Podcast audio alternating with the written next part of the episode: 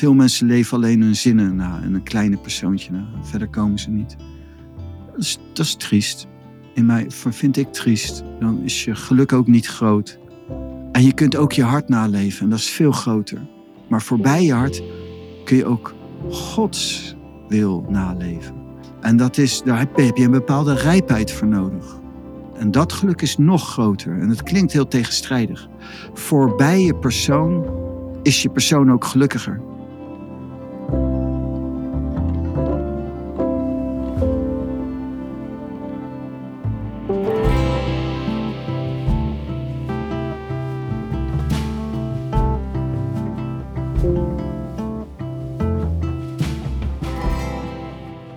Thema van deze podcastaflevering vind ik zo interessant. Ik zei tegen Pranay, ik zou hier wel een heel boek over willen maken. Omdat hier zoveel over te zeggen, verdiepen, verfijnen valt. En omdat ik denk dat het zo helpend is voor ons allemaal om meer helderheid te krijgen over het antwoord op deze vraag. Wanneer doe je, maak je nou een concessie en wanneer offer je als het ware iets op vanuit liefde op zo'n manier dat het helemaal waard is voor je? Als je hier veel meer capabel in wordt, in het onderscheid kunnen maken tussen wat een concessie is en wat volheid. Ja, wat zou dat betekenen voor de kwaliteit van jouw leven en de diepte van jouw geluk? Nou, alleen dat maakt het volgens mij al het enorm waard om je te verdiepen in de materie die wij met deze podcast ook graag willen brengen. Dus uh, ik hoop dat je er weer van gaat genieten. Hier is voor je aflevering 441. Pranay. Hoi Suus. Gisteravond hadden wij een sessie met de Suus en Pranay groep. Mm en er was iemand en die um, kwam met een casus. En ik dacht, het is wel interessant om die ook in de podcast te bespreken. Omdat ik vond dat die zo mooi illustreert wat wij Mhm. met de podcast proberen over te brengen.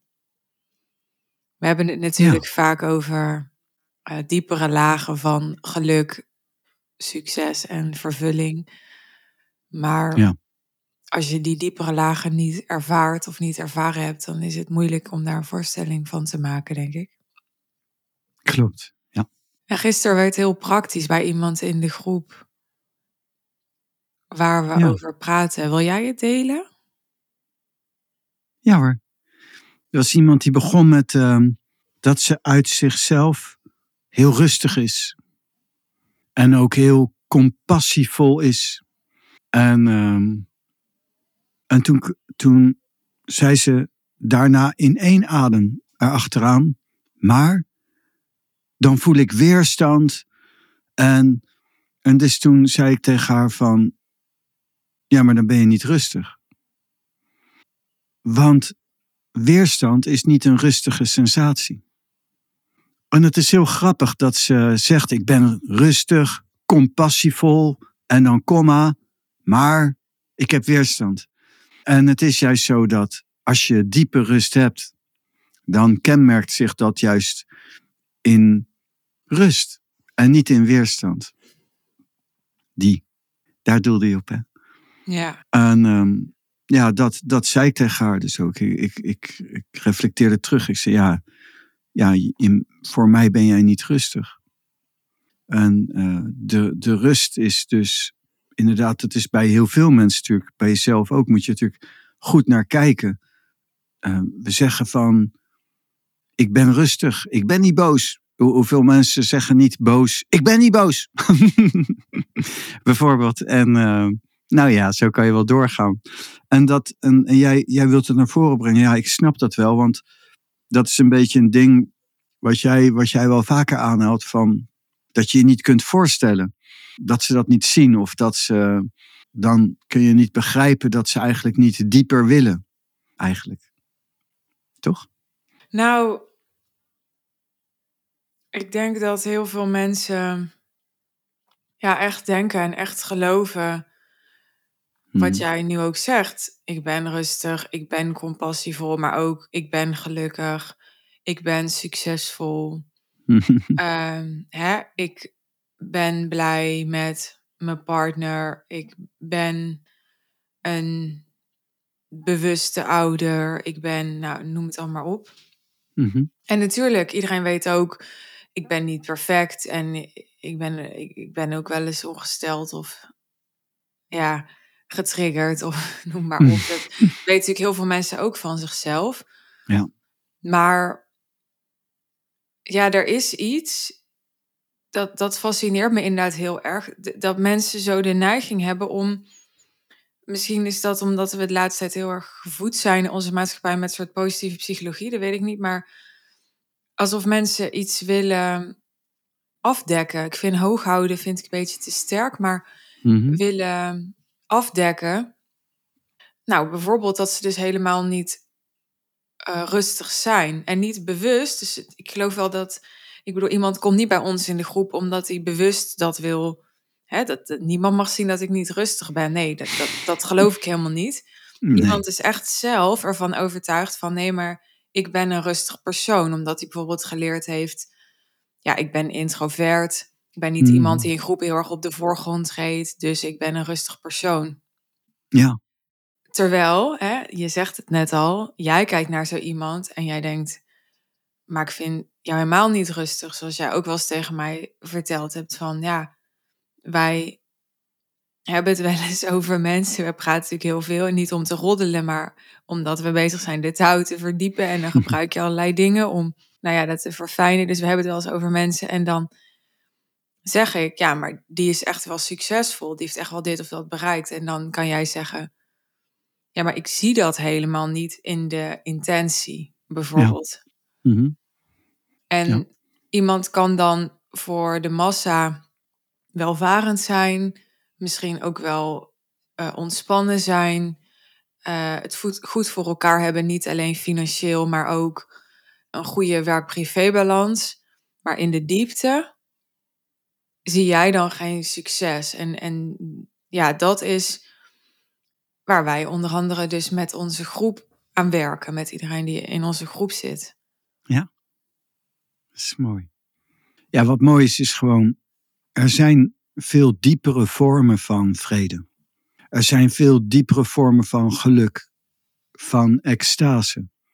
En dus er wordt vanuit de maatschappij en de mens in het algemeen gerekend vanuit een bepaalde diepte. En die diepte, die is niet zo diep als dat het zou kunnen zijn. Het kan veel dieper. Dus rust. Ik ben een rustig persoon. Ja, dat, dat heeft vele gradaties. En in hoeverre ben je rustig in de diepte? En dat is heel leuk. En dat is natuurlijk wat we in de groep ook doen. Dat, dat eh, uitdiepen. we verdiepen ons in de taal. En in succes, in, in, in business, in innerlijk en uiterlijk. In je relatie, in je, met je vrienden, met, op velelei wijzen. Ik kan me voorstellen, want jij haalt nu die touw erbij. Hè? We verdiepen ons in de touw. Dat mensen denken, maar is die touw dan die diepte? Wat is die touw dan? Hè? Dus wat, wat betekent nou eigenlijk verdiepen in de touw? Ja, dat, eh, daar, kan, daar kan ik jaren over praten. Uh, maar verdiepen in de taal is natuurlijk vooral het verdiepen van je innerlijke harmonie. De, de vrede in jezelf. Het, heeft, het is nog groter dan dat, maar het is veel meer dan dat. Maar even voor dit segment is het vooral dat. De kunst van harmonie. Wat ik zo gaaf vind ook aan de taal, is dat het ook praat over zelfrealisatie. Maar dan niet kleine ik, maar een totale zelfrealisatie. Ook vanuit dus de, het hoger zelf en de diepte in jezelf. En jezelf leren kennen. Want als je het juiste inzicht hebt over jezelf, zoals je werkelijk bent, ook al in kleine persoon, dan ben je dus tevreden, gelukkig, in een rust, in een vooral vrede. En dat vind ik zelf heel leuk. Het is heel praktisch. Je hebt een innerlijke vrede en die kun je aanboren en die kun je uitbouwen. En dat is de taal vinden. Heb jij de taal gevonden? Maar het geheim is natuurlijk dat daar dan, als je de taal vindt, voorbij die vrede, zijn er ook nog andere zaken. Je, je stuit op de ene. dus, dus is een onderdeel van de leer. Wat gebeurt er eigenlijk als je harmonie in de diepte aanboort in jezelf? Dan manifesteert de Allerhoogste zich, Allerhoogste zich automatisch. De ene, de taal. Dus het is niet alleen maar voor. Uh, de taal is niet alleen maar bedoeld voor mensen die alleen innerlijke vrede zoeken. En dan zo ja, maar ik zoek God. Uh, nee, de Allerhoogste verschijnt automatisch wanneer je in de diepte die diepe vrede en rust en aanboort, dan, dan verschijnt de Allerhoogste. En dat is waar ik dan in geïnteresseerd ben. En, en daarom doe ik het. Doe dat uh, om de Allerhoogste te ontmoeten, tegen te komen. En, en dat vind ik zelf uh, heel mooi. Maar de methode vind ik van jezelf uitlijnen en, en harmoniseren. Dat, dat vind ik gewoon een hele mooie weg. Dat is de taal. Wat versta jij onder jezelf uitlijnen? Ja, heel veel ook weer voor mezelf. Eerst één, yoga technisch letterlijk, innerlijk, energetisch. Ik lijn vanuit de middenlijn, de mediane lijn in mijn lichaam, lijn ik uit de prana. Dat is letterlijk, letterlijk ook prana. Dat is yoga, pranayama leer. En uh, dat is gericht op de persoon, zoals ik dat heb uitgebouwd vanuit de geneeswijze, de holistische geneeswijze, is ook het um, uitlijnen, is ook, we hebben vijf elementen. En we hebben vier seizoenen. En het uitlijnen is dat je eigenlijk um, jezelf in vijf elementen, water, hout, vuur, aarde, metaal, uh, dat je in die elementen hebben ook allemaal iets. Dus je hebt bijvoorbeeld een aarde-element. Ik geef maar een voorbeeld. En uitlijnen is, wat ik bijvoorbeeld letterlijk doe in mijn uh, huis, is kijken van als dit nou zo staat, werkt het dan iets prettiger, iets praktischer, puur aards, technisch. Um, ik woon in Amsterdam en, en ik ben helemaal weg van Amsterdam, maar ik ben toch aan het kijken ook wel zo van, zou ik niet liever in Frankrijk gaan wonen? Of ergens waar veel meer natuur is. In Nederland is geen woning meer te krijgen. Of je moet multimiljonair zijn. Maar in Frankrijk heb je heel veel meer mogelijkheden bijvoorbeeld. Dat is het aarde-element en het uitlijnen. Waar woon je? Woon je naar maar je dit, zin? hè? Wacht even hoor. Wacht even. Ja. Ja, ik, ik denk dan meteen, jij zegt dus neus en lippen door. Ja, in Nederland is geen woning meer te krijgen of je moet multimiljonair zijn. En dan denk ik, maar dit zegt de man die zegt: je kan alles precies zo creëren als je wilt. Ja, mensen Ja, denken echt: mooi, ik, ik, ik, ik, ik haak af. Ja, dat weet ik. Dat is, ehm, dat begrijp ik. En ik, dat is ook de bedoeling van het uitlijnen. En je moet in het uitlijnen, dan, dan, dan wil ik wel op doorgaan. Eh, maar dan, dan gaan we even naar iets anders toe. Ja, want het En- klinkt. Ja, Ja. dat snap ik. Maar het klinkt als je dat zegt alsof je echt een enorme beperkte mindset hebt. Wat heel tegenstrijdig overkomt met andere dingen die je zegt. Nee, nee in, het, in, het, in het kader van het uitlijnen heb je te maken met eh, allerlei manieren van. Dus, dus we begonnen met je denkt, je denkt ik ben rustig, maar je bent niet rustig. Dat, dat was het punt. Ja, maar ik voel weerstand. Ja, dan ben je niet rustig. En in het uitlijnen eh, breng ik dus bijvoorbeeld door zo'n zin iets naar voren, iets wat in mij leeft, bijvoorbeeld. En, en dat is dat ik ehm, Nederland klein vind. Ik ben vroeger heel veel in Duitsland geweest. En ik kwam maandelijks eh, veel. Elke maand ging ik naar Duitsland. En dan reed ik altijd, als ik in mijn auto terugreed naar Nederland, dan was het net zo alsof ik een trechter inreed. in Duitsland heb je zoveel ruimte. En dan kom je in Nederland binnen, is net of je een trechter inreed. En, en dat is ook hier zo. Ik woon in Amsterdam, dus het is afgezet op Amsterdam. En dan bemerk ik van, ja, ik zou wel uh, veel meer ruimte willen hebben. Nou, in Amsterdam kan dat niet. En dat kan wel. Maar nee, dat kan niet. Wat, wat zit er als je dan bijvoorbeeld zoiets uitwerkt? Dat is een reflectie. Dus bij mij, net zoals als ik dan tegen iemand anders zeg: ja, maar je bent niet rustig. De vrede van binnen. Wat is er aan de hand? Ik zeg vaak: ik ben zo blij in Amsterdam. Ja, ben ik. Maar lees. Er is ook een mogelijkheid. Ik, ik, kom pas, ik kom nog net twee weken geleden was ik nog in Frankrijk, uh, vlakbij de Bordeaux-streek. En uh, daar is zoveel ruimte. Er is zoveel natuur, zoveel ruimte. En dan kom ik weer terug in Nederland en denk ik. En dus het is ook een iets wat, wat aangevers van weerstand op Amsterdam, weerstand op Nederland. En ja, dat kun je kweken in Nederland kun je ook heel veel ruimte kweken. Maar het is een aangever voor mij, bijvoorbeeld in deze. Ja, dat kan ik kweken hier. Maar dan kan het in Frankrijk veel beter. En dus dan, ik noem maar wat, een, een bepaald iets. En dat is dan het. Ehm, dat zijn dan zo, doordat je spreekt, komen er allemaal dingen naar voren en ga je dat uitslijten.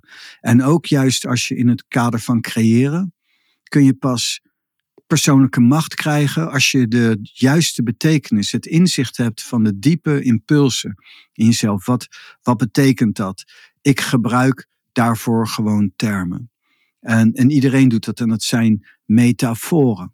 Natuurlijk kan ik hier. Ja, in mijn wereld is het echt maar not done om zoiets te zeggen. Zo van ja, en uh, dat kan niet. Tenzij je, weet je wel, en dan moet je aan voorwaarden voldoen, maar die voor. Dus het komt heel erg over alsof je dan in schaarste denkt.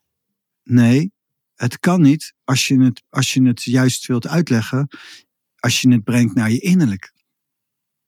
En dus alles kan, maar mijn smaak verandert niet zolang mijn smaak verandert.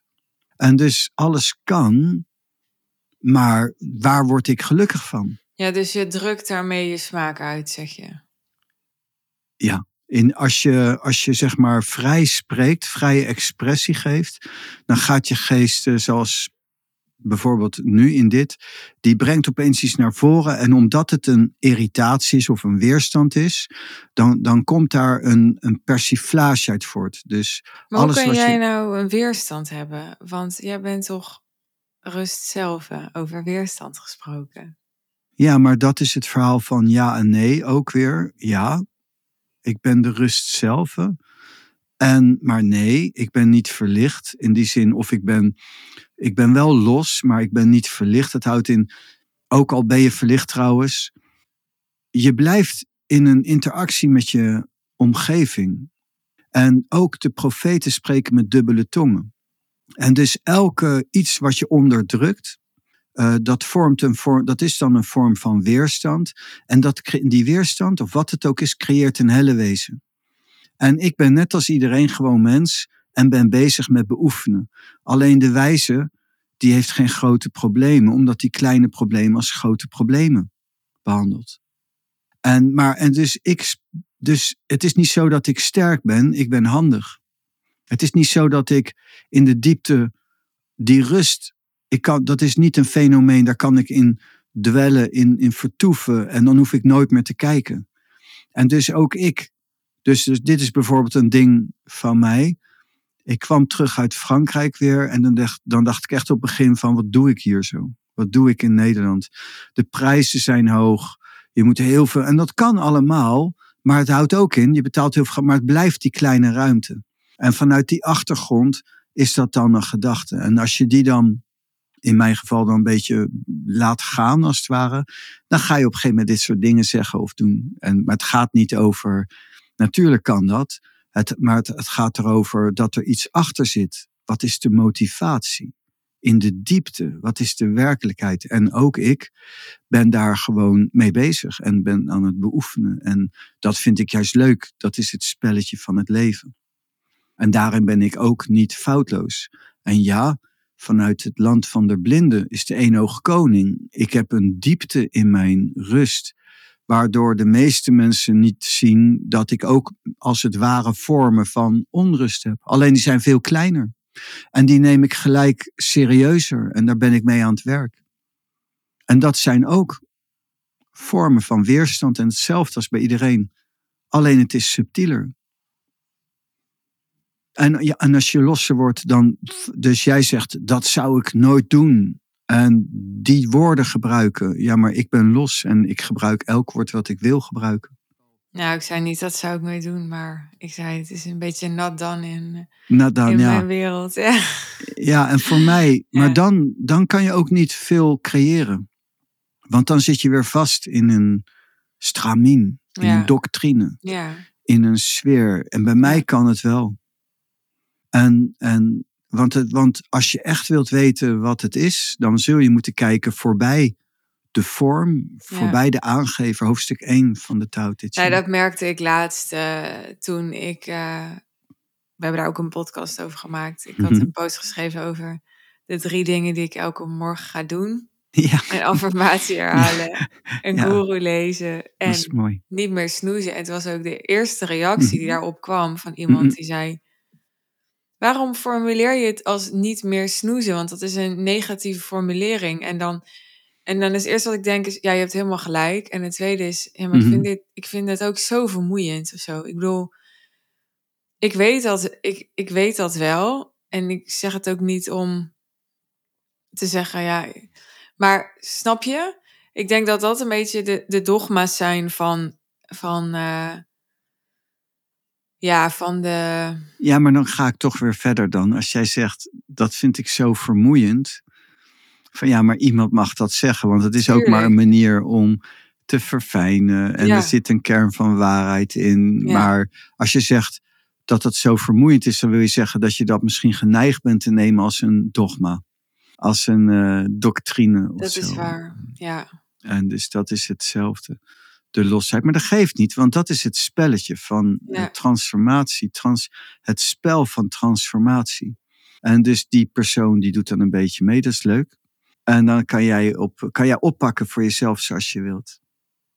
Maar dat is niet erg als je reageert, want je moet ook reageren, want anders kun je jezelf niet verfijnen. ja, Thij zegt, eh, no mud, no lotus. No mud. Als er geen modder is, als er niet zoiets is, dan, dan is er ook geen lotus mogelijk. Dus ik schuw niet om eh, bijvoorbeeld mm, irritaties of weerstand of zo te uiten. Dat is niks ergs aan die, die vrouw van gisteren, die uit haar weerstand is perfect. En zo kun je jezelf verfijnen en bijschaven. En ik doe ook mee in het spel, hetzelfde spelletje. ja. Ja. Ja. Ja, er was nog een ander eh, verhaal gisteravond. Dat Mhm. komt nu in mij op. Oké. Dit is echt wel een van mijn lievelingsverhalen. In de vorige podcast hadden we het erover. Dat jij, een van de vorige podcasts, dat je eh, verhalen heel vaak herhaalt. Ja, Maar ik weet niet of je deze al wel eens hebt verteld in de podcast over die Afrikaanse vrouw. Heb je die wel eens verteld? eh, in de podcast niet, denk ik. Nee, hè? Nee. Nee. Wil je dat verhaal horen? Nou, ik vind het een mooi verhaal. En misschien kan je hem eerst vertellen en zal ik daarna vertellen waarom ik het een mooi verhaal vind. Ja, ik vind het zelf ook een verschrikkelijk mooi verhaal. Het is een kort is- verhaaltje, maar het is een kort verhaaltje. Het is waar gebeurd. Hoe weet je dat trouwens? Want je was er niet bij. Die vrouw heeft, eh, eh, heeft, heb ik gezien in een interview op televisie. Jaren, jaren geleden. Ik heb, eh, ik heb er gewoon, er was een soort interview documentaire-achtig iets. Ik weet niet meer, het is lang geleden. Maar die vrouw was zelf verantwoord. En, ehm, in, in, en dat was echt. En dan eh, weet jij dat het klopt. Ja. Ja, dat was echt heel oprecht en waar. En, ehm, en het was het volgende. Maar ik weet niet meer waar ik het gezien heb. Het is lang geleden, maar ik ben het nooit vergeten. Een Afrikaanse vrouw die had een eh, relatie met een man. Die zat in een huwelijk of een relatie in ieder geval. En die man was zo fout. Die sloeg haar, die besodemieterde haar. En was echt een hel van een leven. En dus zij was op een gegeven moment zo het zat dat ze zelfmoord wilde plegen. En ze stond met een strop om haar nek, op een stoel. En vlak voordat ze ging springen, bedacht ze opeens eventjes van, laat ik voor de zekerheid toch doen. En ze ging in gebed en ze zei van God, en ten eerste, ik geloof niet in jou. Maar ik sta op het punt om zelfmoord te plegen. Ehm, en ik wil je dit zeggen. Ik ga nu zelfmoord plegen omdat ik gewoon een hel van een leven heb. Ik geloof niet in jou. Maar als ik wel zelfmoord pleeg. En ik kom boven en jij begint te zeggen: Ja, wat heb je gedaan en zo? Dan verwerp ik dat. Dan zal ik dat verwerpen. Want als je bestaat, laat je dan nu maar zien. En dat deed hij. Ze kreeg een enorme godservaring. En ze haalde die strop van haar nek. En zij ging geen zelfmoord plegen. De eerste gedachte was: uh, die man die gaat eruit. Die heeft mij ertoe gebracht. Zou iedereen denken, toch? Van waarom ga je niet gewoon bij die man weg? Ja, ja. Uh, maar je zou dat denken omdat je niet kent het stelselmatig in, in destructie zitten. Ja. En, en geïndoctrineerd zijn. Ja. En toen zei ze tegen zichzelf, tegen zichzelf van ja, wacht eens eventjes. Die man heeft mij zover gekregen. Ten eerste is hij zelf heel ongelukkig, anders doe je dat niet. Maar hij heeft mij zover gekregen. Als hij verder gaat, dan gaat hij minstens nog een andere vrouw zo ziek maken. En daarmee ook iedereen die die vrouw lief heeft. En dat niet alleen, op zijn tempo kan hij nog wel eens misschien drie vrouwen gek maken. En toen is ze gebleven. En toen is ze elke dag gaan bidden. Elke dag. En ze zei dat, dat, dat had, ik weet wat het is lang geleden, maar ongeveer rond de twintig jaar geduurd. En die man ging langzaam door de jaren heen veranderen. Door haar invloed, door haar gebed, door haar verandering in haarzelf. En ongeveer twintig jaar later bekeerde die man zich tot christen, zelfs christelijk geworden. En was een totaal ander mens. Dat is het verhaal. Ik vind het zo mooi. Wat vind jij er mooi aan? Heel veel dingen. God, eerste. Maar ook de edelmoedigheid van die vrouw. En, dat is een mooi woord, edelmoedigheid. Ja. En die man. We denken, iedere, we denken de slechte mens is slecht. Nee, de slechte mens is goed, maar zit in een patroon gevangen.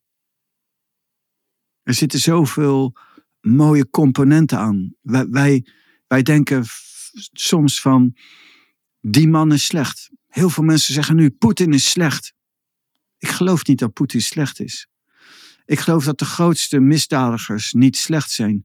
Ze zijn wel slecht in hun huidige vorm, omdat ze verwaard zijn, in een identiteitscrisis zitten, onwetend zijn.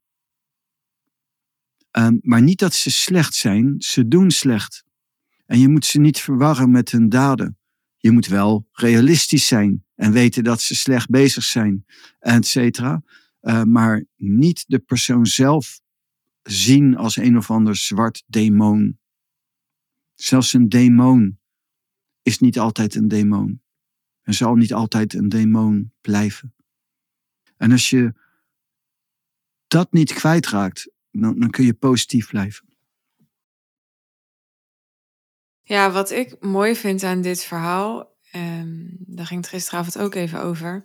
Mm Volgens mij was de context waarin dit verhaal um, de groep in kwam concessies. Ja. Dus de vraag was, wanneer is iets een concessie en wanneer niet? Want ja, ik hoorde mensen al denken, ja, maar die vrouw die heeft twintig jaar gewacht, of ja, in ieder geval gebeden, hoe je het wil noemen, voordat die man transformeerde. En daarvoor had ze ook Nee. al heel slecht leven, dus die heeft ja.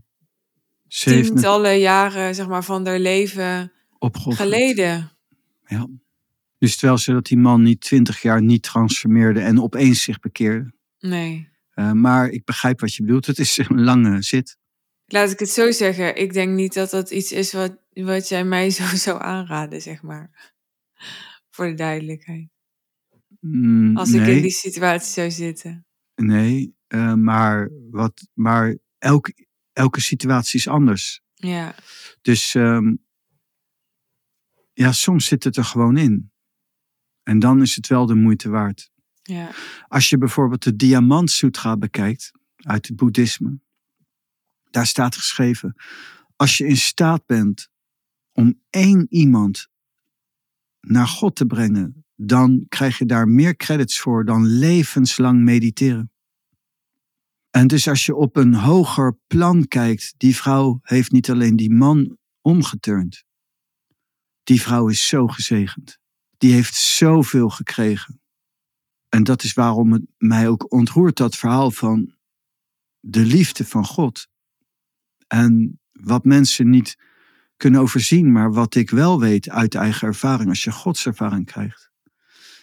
De kracht van die ervaring, waardoor ze tot dat besluit is gekomen. De liefde, de compassie, het ware contact met God. Zo groot. Ja. Dat is het verhaal van. Er zijn veel diepere vormen van geluk. Ik begrijp wat die vrouw heeft ondergaan. Ja. En waardoor ze ook tot die beslissing is gekomen. En dat wat jij noemt al zeker is, kon opbrengen. En dat het het ook waard was. Absoluut. Want opbrengen is één ding. Zijn misschien meer mensen die het kunnen opbrengen, maar nee, uit, dat het, uit dan liefde, waard volheid. is. Ja. Ja. Want dit is ook nog een aspect van het verhaal. Er zitten heel veel aspecten aan het verhaal. Dat vind ik ook zo mooi eraan. Jij zegt ook altijd als je het vertelt van ja, dit is geen garantie dat iedereen die eh, op een stoel staat met een strop om zijn nek een godservaring krijgt. Want dat is natuurlijk Nee. ook nog iets wat je kan afvragen. Waarom had juist zij deze ervaring? Oh, daar- kan ik eh, heel lang over praten. Daar weet ik heel veel van af. Dat komt ook wat we ook al in een vorige podcast hebben behandeld. De kunst om God daadwerkelijk te ontmoeten is ook een siddhi. Is ook een goddelijk, eh, een, een hoger vermogen. Het is ook iets wat, ook, wat je echt in kunt verdiepen dus. Er is gewoon een dharma, een leer voor hoe kom ik eigenlijk in contact met God. En die vrouw had in beginsel, onbewust natuurlijk, de juiste intenties. En, maar, en daar weet ik heel veel van, want dat is mijn grote begaafdheid. Dus waar ik heel veel jaren al en heel veel tijd aan besteed. Ehm, het begin was wel moeilijk, omdat ik spontaan godservaringen kreeg. Kon ik me ook niet voorstellen hoe je dat zou moeten opwekken. Maar later, toen ik ouder werd, raakte ik daar wel in geïnteresseerd van. Hoe zit dat? En toen kwam ik in de yoga tegen. En in India leerde ik, oh, maar dit is een weg. Het is gewoon een, een yoga-weg, een vorm van yoga. Uh, maar die kenden yoga. zij niet, toch? Die kenden zij niet. Eh, Nee, maar na die godservaring wel. En dus nogmaals, zij heeft toevallig met de juiste, tussen aanhalingstekens, met de juiste intentie, op het juiste moment, de juiste vraag gesteld. Ja, want, want jij zegt het even zo, maar ik denk dat iedereen wel toevallig met de juiste intentie de juiste vraag aan God wil stellen. Dus Nee, nee, nee, nee. Die juiste intentie, die kan ik niet uh, beamen. Daar zit hij. En als je gaat kijken naar wat is dan de juiste intentie, ja, dan, dan, moet ik, uh, dan moeten we een heel traject in. ja. Ik kan nu niet zeggen rationeel, dat is dat of dat. Nee. En, en, maar dat is, dus, dat is dus niet zomaar. Nee, dat is juist het hele verhaal. De juiste intentie. Wat is nou de juiste intentie? Hoe benader je eigenlijk God? Ja. Het is eigenlijk heel grappig. Dat, nou ja, grappig, intrigerend. Het is diep triest eigenlijk. Dat de meeste mensen alleen maar bezig zijn, bestaat hij of bestaat hij niet. Maar je kunt contact hebben met God. God is beschikbaar. En veel mensen weten dat niet en houden zich daar niet mee bezig. Ik heb zelfs met mensen in, die in, kloosters leven gesproken. Een, een, een non staat me bij en die zei gewoon: Ja, maar luister eens, uh, dat contact is weggelegd voor een uh, Theresia van Lisieux, een Theresia, Theresia van Avila, de grote heilige bijvoorbeeld uit de Karmelitessen. En, en, en dat is maar weggelegd voor een paar mensen. Nee, dat is niet waar. Dat is niet waar. Het is weggelegd voor iedereen En, en wat ik pas geleden zei, een, monnik die me bijna wilde lynchen. Je gaat mij toch niet zeggen dat jij een godservaring hebt gehad?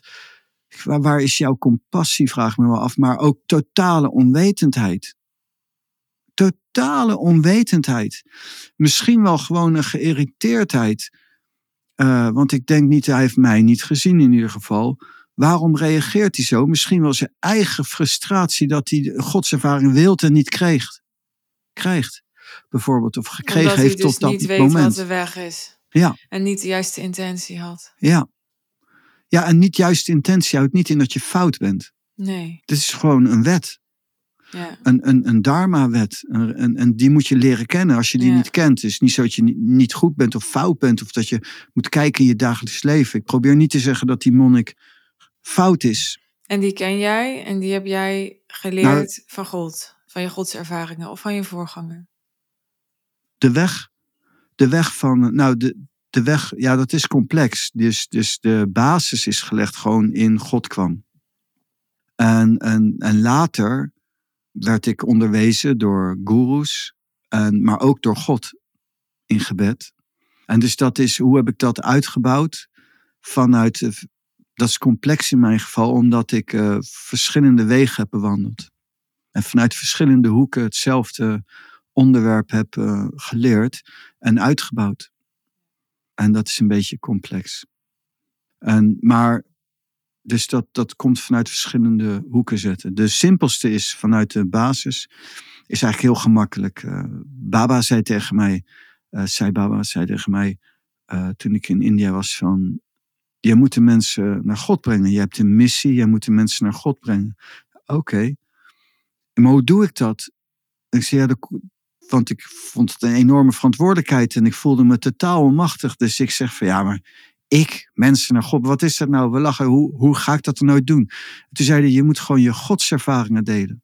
Nou, daar had ik enorme weerstand op. Hebben we natuurlijk ook al besproken. En, eh, en nu ben ik dat aan het doen. En nog steeds voel ik daar dan, als we het hebben over weerstand, ook vormen van weerstand op. En, uh, maar dat is ook natuurlijk onze combinatie. Door jij met een bepaalde intentie vragen stelt en dingen naar voren brengt, maakt dat ook in mij vrij.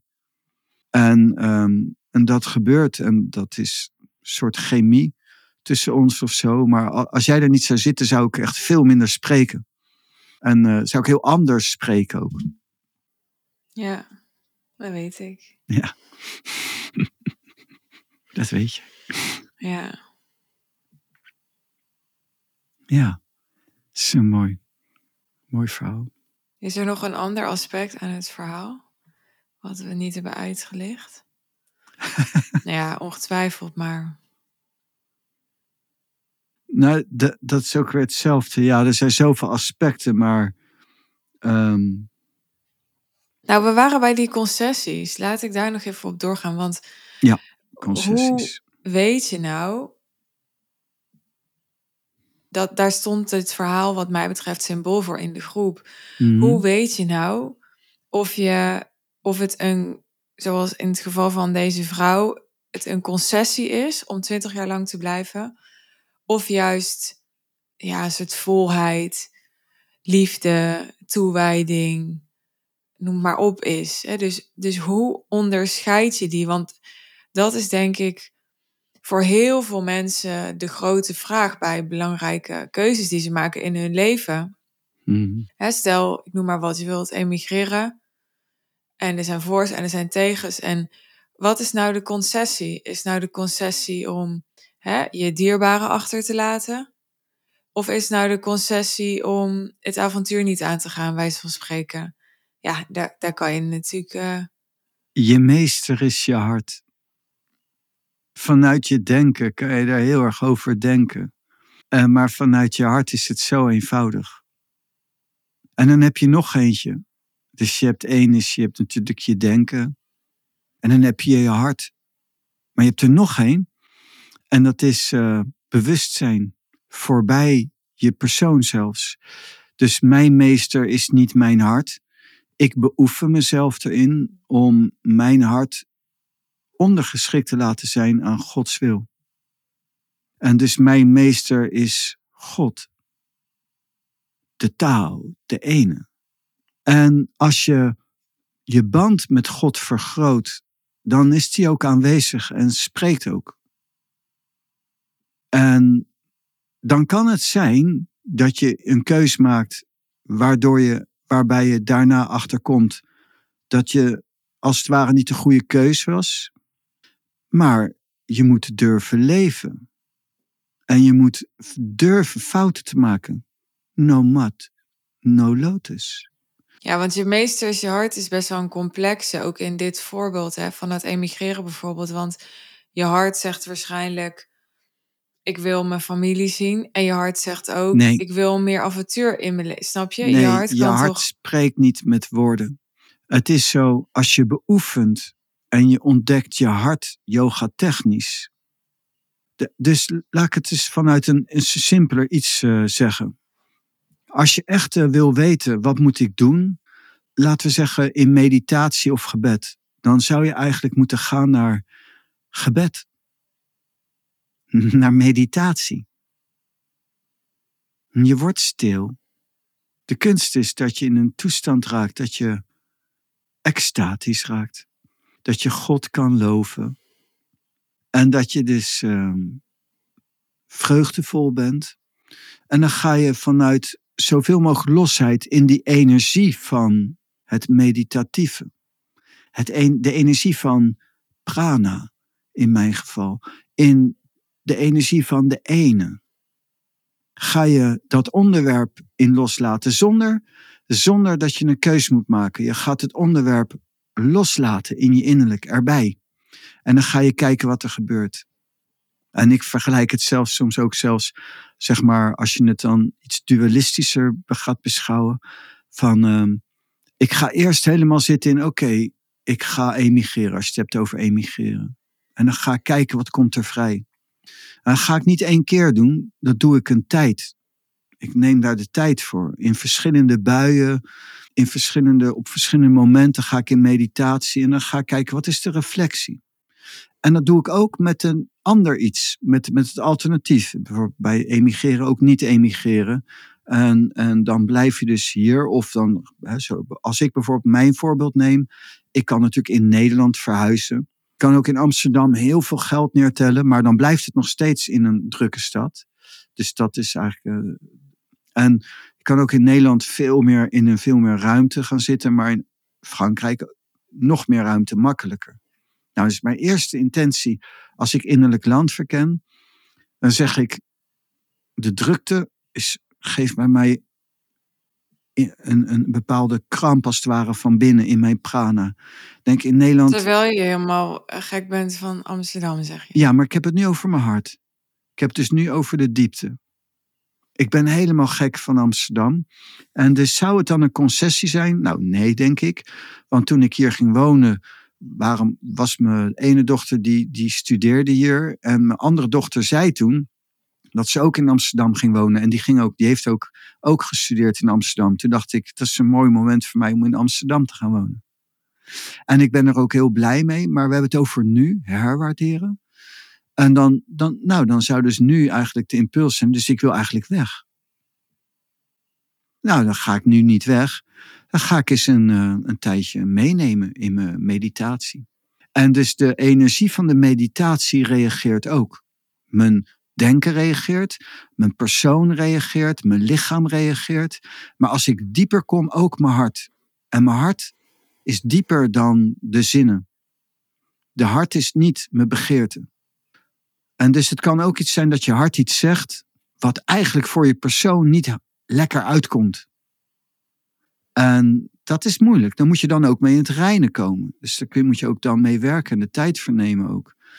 Het heeft vele niveaus. En dat is helemaal als je voorbij het hart gaat naar de ene. Want God, zo laat mijn wil Gods wil worden, dat Gods wil mijn wil worden. Dat is nog een heel gebeuren. Dat ervaar ik zelf in ieder geval. Omdat dat inhoudt dat mijn kleine persoon, Peti noem ik die. En Peti die is, eh, die is helemaal niet gemoeid met eh, de macht overgeven of ehm, zichzelf ondergeschikt opstellen ten opzichte van God. Want dat is helemaal soms niet leuk voor Peti. En soms gaat dat zelfs tegen mijn hart in. En in hoeverre stel je je dan ook ondergeschikt op? Dat is een oefening en in mijn geval zeker. En ik denk in iedereen's geval. Hij klinkt ook wel een beetje als een opoffering. Ja nee. tegen je hart ingaat. Ja, precies. Maar als je liefde naar God groter wordt, dan is het ook. Ik heb zelf een tekst geschreven. De dingen die je doet om het samen zijn te garanderen, is de koninklijke weg om je geliefde te eren. En wat is dan concessie en wat is dan hart? En geen concessie, want dat is, ik kom hierop, op jouw vraag. En, en dus dit is de materie wat dan bij mij vrijkomt. En wanneer is dat zo? Ja, dat hangt van heel veel dingen af. En, en dus als je liefde naar God groeit, kan je dingen doen terwijl je niet een concessie maakt, maar wel tegen je hart ingaat. Maar als je liefde niet groot genoeg is, dan is spirituele discipline zonder liefde is fanatisme. Dat is, dat is verwerpelijk. Gevaarlijk ook, want dat wreekt zich. Zie je dan bij priesters die uh, leven en zeggen: nee, geen seks, geen seks. En dan verkrachten ze opeens iemand. Zou ik zeggen: hoe komt dat? Ik denk door de onderdrukking. Als je dat doet, moet je dat doen uit vrijheid. En in mijn ogen zouden priesters ook veel meer moeten naar gekeken. Iedereen die een, een, iets aangaat van dat hij geen seks meer heeft en niet meer doet, die heeft ook een bepaalde rijpheid nodig. En daar zou in mijn ogen dan veel meer op gekeken moeten worden. Ben je wel rijp genoeg om geen seks te hebben? Want je kan zomaar veranderen in een verkrachter. Onderdrukking is link, heel link. Het moet uit liefde. En anders moet je het niet doen. Het heeft, dan heeft het ook geen zin. En dat is het verschil tussen een concessie, onderdrukken of daadwerkelijk lopen. En het niveau verschilt per mens. Veel mensen leven alleen hun zinnen na en een kleine persoontje na. Verder komen ze niet. Dat is, dat is triest. In mij vind ik triest. Dan is je geluk ook niet groot. En je kunt ook je hart naleven en dat is veel groter. Maar voorbij je hart kun je ook Gods wil naleven. En dat is, daar heb je een bepaalde rijpheid voor nodig. En dat geluk is nog groter. En het klinkt heel tegenstrijdig. Voorbij je persoon is je persoon ook gelukkiger. Als je je persoon alles laat ondergaan wat hij wil, dan word je helemaal niet gelukkig. Ik kan me herinneren vroeger als kind was ik heel klein. En dan dacht ik, ik snap mijn ouders niet hoor. Dan zijn ze dus vrij om elke dag weer te bepalen wat ze willen eten. En dan komen ze aan met aardappelen, met groenten. Terwijl je elke dag patat kan eten, pizza's. En, en wat dan ook. Wat je, en dan komen ze met die on, ongein aan. Maar gelukkig ver voordat ik het huis uitging, was ik wat wijzer geworden en besefte ik, dat is natuurlijk ook eten is ook voedsel en daar moet je ook, moet ook gezond zijn. En, en, en was ik ook niet meer zo dat ik alleen maar pannenkoeken wilde of wat dan ook. En, en, en, en groenten zijn natuurlijk heel lekker, kunnen ook heel goed zijn. En, en zo, dus, maar dat is kind, dat is klein en dat is heel onvolwassen. En dat is ook in deze natuurlijk. Uh, als je alleen maar je zinnen wil naleven, ja, ja, dat noem ik onvolwassen. En dat is eigenlijk ook nog een vorm van onvolwassenheid als je alleen maar je hart wil volgen. Maar ik oordeel daar niet over in die zin, maar ik kan er ook niet iets anders van maken. Wanneer is het een concessie? Die vrouw was geen concessie en dat kan je zien in dat verhaal, die Afrikaanse vrouw. Want anders had ze dat niet volgehouden. En had, het ook niet, had die man ook niet veranderd. Mooi. Dankjewel. ja, ja. Dit was de aflevering van vandaag, vrijdag 19 januari 2024. Ik ben benieuwd of en hoe deze aflevering jou nieuw inzicht heeft gegeven. Inzicht is uh, meer waardevol dan uh, kennis als die kennis niet wordt toegepast. Dus ik gebruik bewust het woord inzicht. Wil je reageren? Je reactie, je reflectie is heel welkom. Je kunt mailen naar hello@suzannevanschaik.nl of stuur mij een berichtje op social media. Tot slot, wil jij dat onderscheid beter leren maken? Ik zei in de intro al, volgens mij is het een van de meest waardevolle dingen waar je in jouw leven over kunt leren, omdat het de kwaliteit van je keuzes en je beslissingen en de nuances die daarin ook mogelijk zijn, zoveel beter maakt. Dat is in ieder geval mijn persoonlijke ervaring. Dan uh, ben je welkom om dat wat daarvoor nodig is. En uh, ja, dat is niet alleen uh, inzicht, hoewel inzicht daar een onderdeel van is, maar ook de beoefening, waar Pranay het natuurlijk vaak over heeft in onze podcast om uh, die te leren, die te verdiepen en die te verfijnen bij ons in de groep, de SUS en Pranay groep. Als je nieuw bent hier en nog niet eerder over onze groep hebt gehoord, ik deel er graag wat over met je. De SUS en Pranay groep faciliteren wij twee avonden per week op dinsdag en donderdagavond van 8 tot half 10 online via Zoom. En als je onderdeel wordt van onze groep, krijg je naast deze twee sessies per week elke week een verdiepende audio tot je beschikking die Pranay opneemt. Waarin hij aan de hand van eh, de thema's die die week aan bod zijn gekomen, je helpt om te verdiepen in die thema's en je begeleidt in je beoefening. Als het interessant voor je is om bij de groep te komen, we hebben geen sales page. Onze podcast is uh, onze etalage, zou je kunnen zeggen. Dus voel of onze podcast resoneert bij je. En als dat zo is, en je wils verdiepen, dan is onze groep een mooie volgende stap voor je. Aanmelden kun je ook alleen maar doen door te mailen naar hello@suzannevanschaik.nl of mij dus een bericht te sturen op social media. Dan ontvang je een aanmeldlink van ons. En dan kun je de eerstvolgende dinsdag of donderdagavond erbij zijn. Jouw investering om bij de groep te komen is 1000 euro ex-BTW per maand. We vragen een minimale deelnametijd van zes maanden, zodat we ook echt een groep hebben waarmee we wat kunnen opbouwen. En uh, zodat we jou ook daadwerkelijk constructief kunnen begeleiden. Daar is wat tijd voor nodig. Het is wel zo dat als je besluit deel te nemen, je altijd vrij bent om te komen wanneer je wilt en wanneer het je past. En ook niet te komen als het je niet past. We weten dat afhankelijk van hoe jouw leven in elkaar zit, twee avonden per week, best een belasting kan zijn voor je agenda. Dus voel je niet verplicht. Je bent vrij bij ons. Er zijn ook mensen die één keer in de week komen, bijvoorbeeld. Dan kun je ook alle waarden eruit halen. Dus je bent vrij en we vragen een commitment. Dat is het verhaal.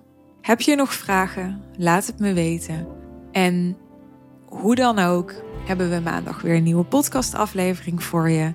Wil je op de hoogte blijven van onze podcast? Zorg dan dat je abonnee bent dat kan helemaal gratis. Klik op abonneren in iTunes of op volgen in Spotify. Dan krijg je een notificatie als er een nieuwe aflevering voor je klaar staat. Heel graag tot de volgende keer. Bye bye.